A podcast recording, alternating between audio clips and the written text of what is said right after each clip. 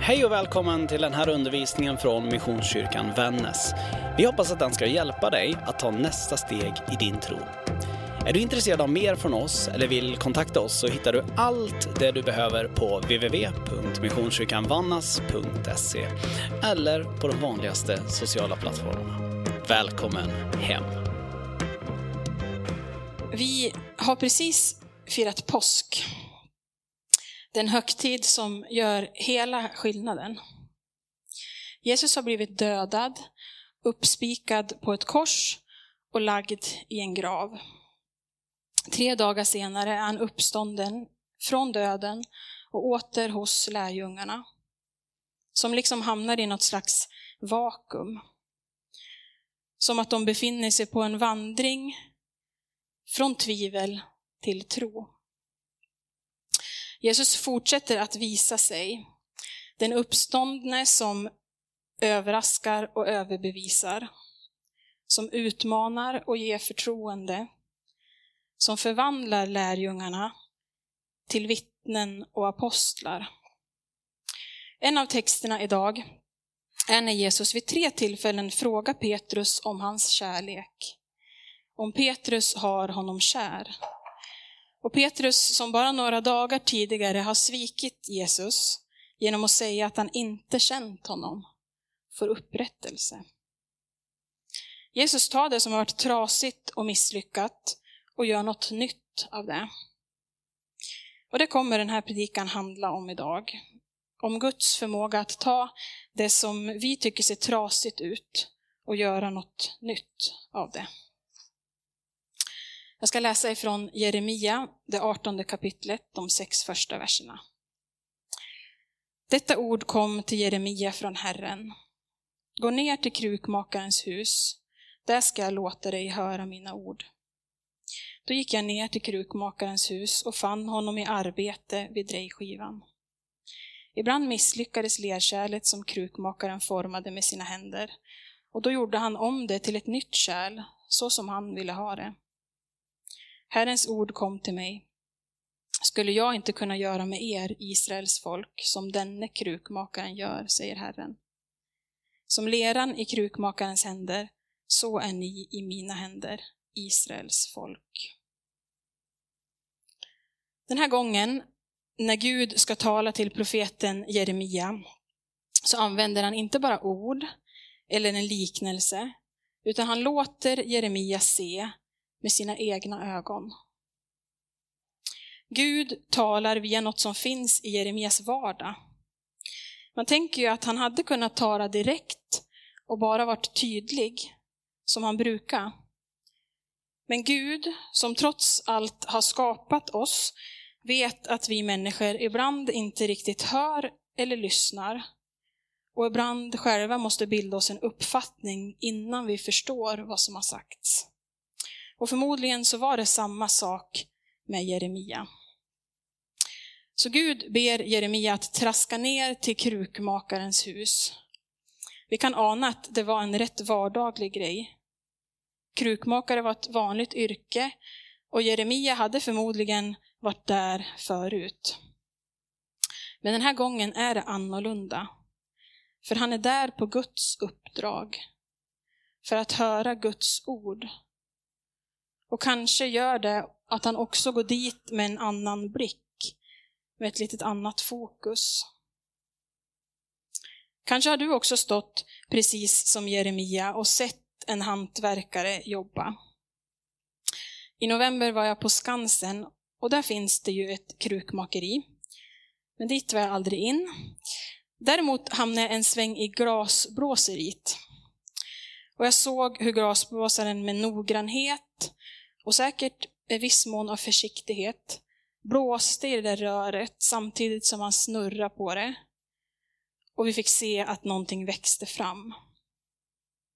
Det är häftigt ändå, hur man nu i hela världen kan få till det. Och för mig som inte är särskilt kreativ, jag ser mig inte som särskilt kreativ i alla fall, så är det ju något visst med just hantverkare, konstnärer och kreativa människor. Oavsett om det är en konditor som klär en tårta i marsipan, en silversmed som bankar fram mönster och formar smycken, eller en krukmakare som arbetar vid drejskivan. Jag tycker att kreativiteten och kanske framförallt övningen och tålamodet som krävs i skapandet är fascinerande. Att se potential i material och veta vad det kan bli. Och sen jobba tills det blir som man har tänkt och vill ha det. Tänk att bara plötsligt kunna titta på en träbit och se en sked. Eller en garntråd och kunna visualisera en tröja. Att det jag ser en klump med lera, som mest bara kladd och smuts, ser krukmakaren en kruka, eller en kanna, eller en guacaskåle som Britta Zackari kallade sin drejade skål efter att hon hade upptäckt att den var perfekt för guacamole. Det är just det som Gud hjälper Jeremia att se via hantverkaren. För det är inte bara hantverkaren i allmänhet eller krukmakaren i synnerhet som ser på sitt material med förväntan och förhoppning och är beredd att använda sin skicklighet och sitt tålamod för att nå resultat. Utan det gör Gud också. Vi är utvalda var och en. Han ser på oss och ser potential. Han ser något vackert och gott. Jag vet vilka avsikter jag har med er, säger Herren. Välgång, inte olycka. Det Jeremia får se är hur krukmakaren misslyckas. Men att det inte verkar hopplöst för det. Han ger inte upp. I krukmakarens hus är inget slit och släng. Varken den misslyckade krukan eller materialet hamnar i soptunnan. Utan krukmakaren tar samma lera och börjar om. När Jeremia ser hur krukmakaren arbetar så hör han Herrens röst. Skulle inte jag kunna göra med er, Israels folk, som denne krukmakaren gör? Som leran i krukmakarens händer så är ni i mina händer, Israels folk. Gud har gjort sina försök med Israels folk. Han har jobbat stort, han har försökt påverka och styra ett helt folk. Men så har det gång på gång kommit en kung som har dragit åt ett annat håll eller en situation som har gjort att folk har vänt sig bort från Gud. På många sätt har Israels folk genom historien oftare varit olydiga än lydiga. Men Gud har inte gett upp. Gång på gång har han sänt profeter för att förklara och förkunna. Gång på gång har Gud försökt forma om och vända folks hjärtan. Visa att han är en god Gud som vet och vill deras bästa. Som kan ta det som är trasigt och misslyckat och forma om det.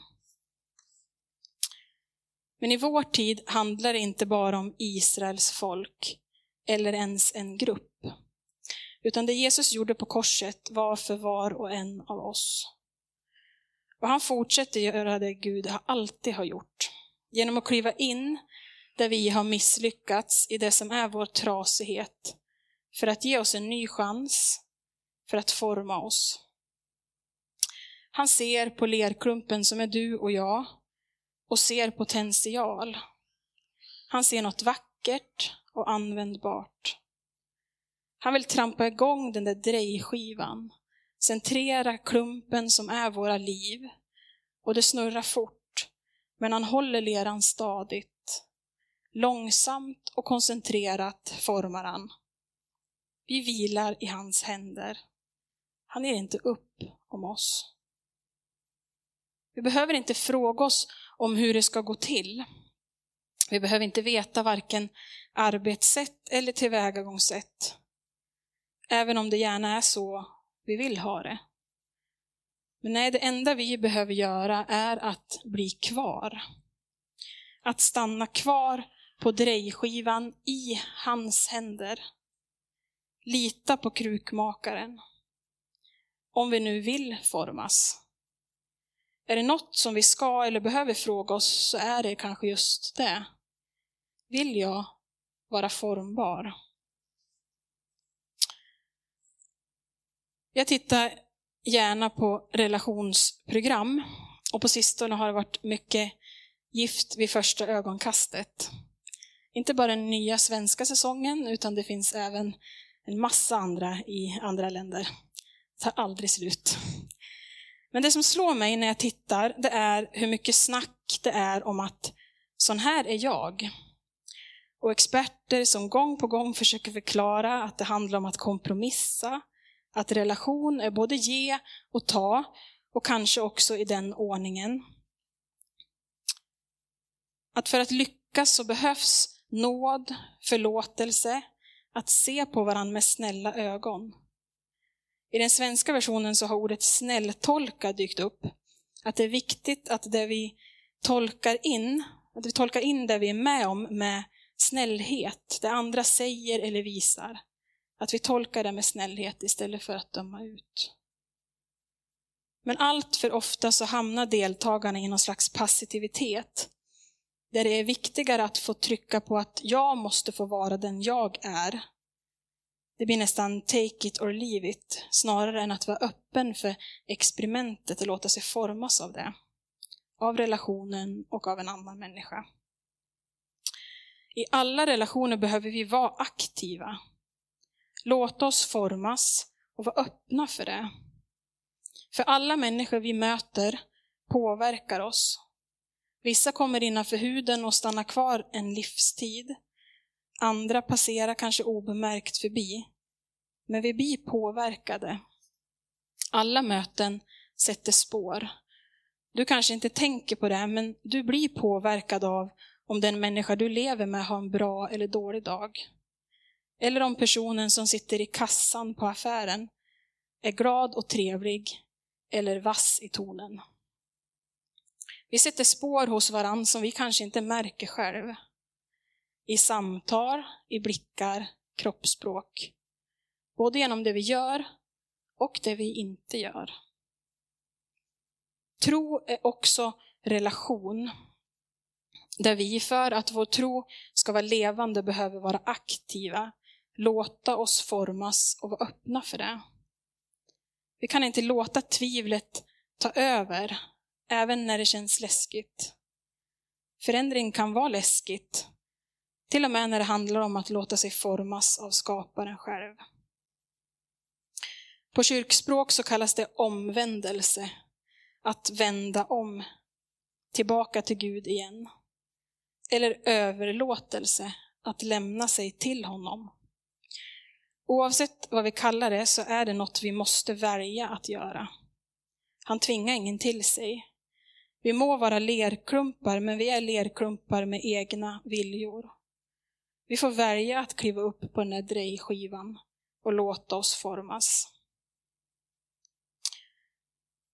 En krukmakare kan ställa åt sidan, låta torka och vila, men sen plocka fram igen tvätta leran och börja om. Ingenting behöver slängas halvfärdigt eller misslyckats, utan kan få nytt liv igen, en ny chans, om och om igen. Och om krukmakaren har en sån nåd för leran som trilskas eller torkar för snabbt eller inte vill formas under hans händer vid drejskivan, varför skulle inte Herren ha nåd med det han har skapat? när vi trilskas och inte vill formas under hans hand.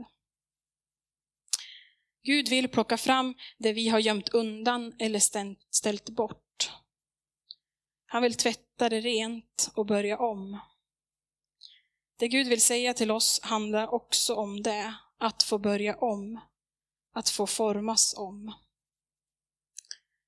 Nu kanske det här låter som något som vi uppmanas till att göra varje vår, när löpsedlarna berättar om hur vi ska planera och strukturera för att lägga om kost och träning så att våra kroppar blir redo för sommaren.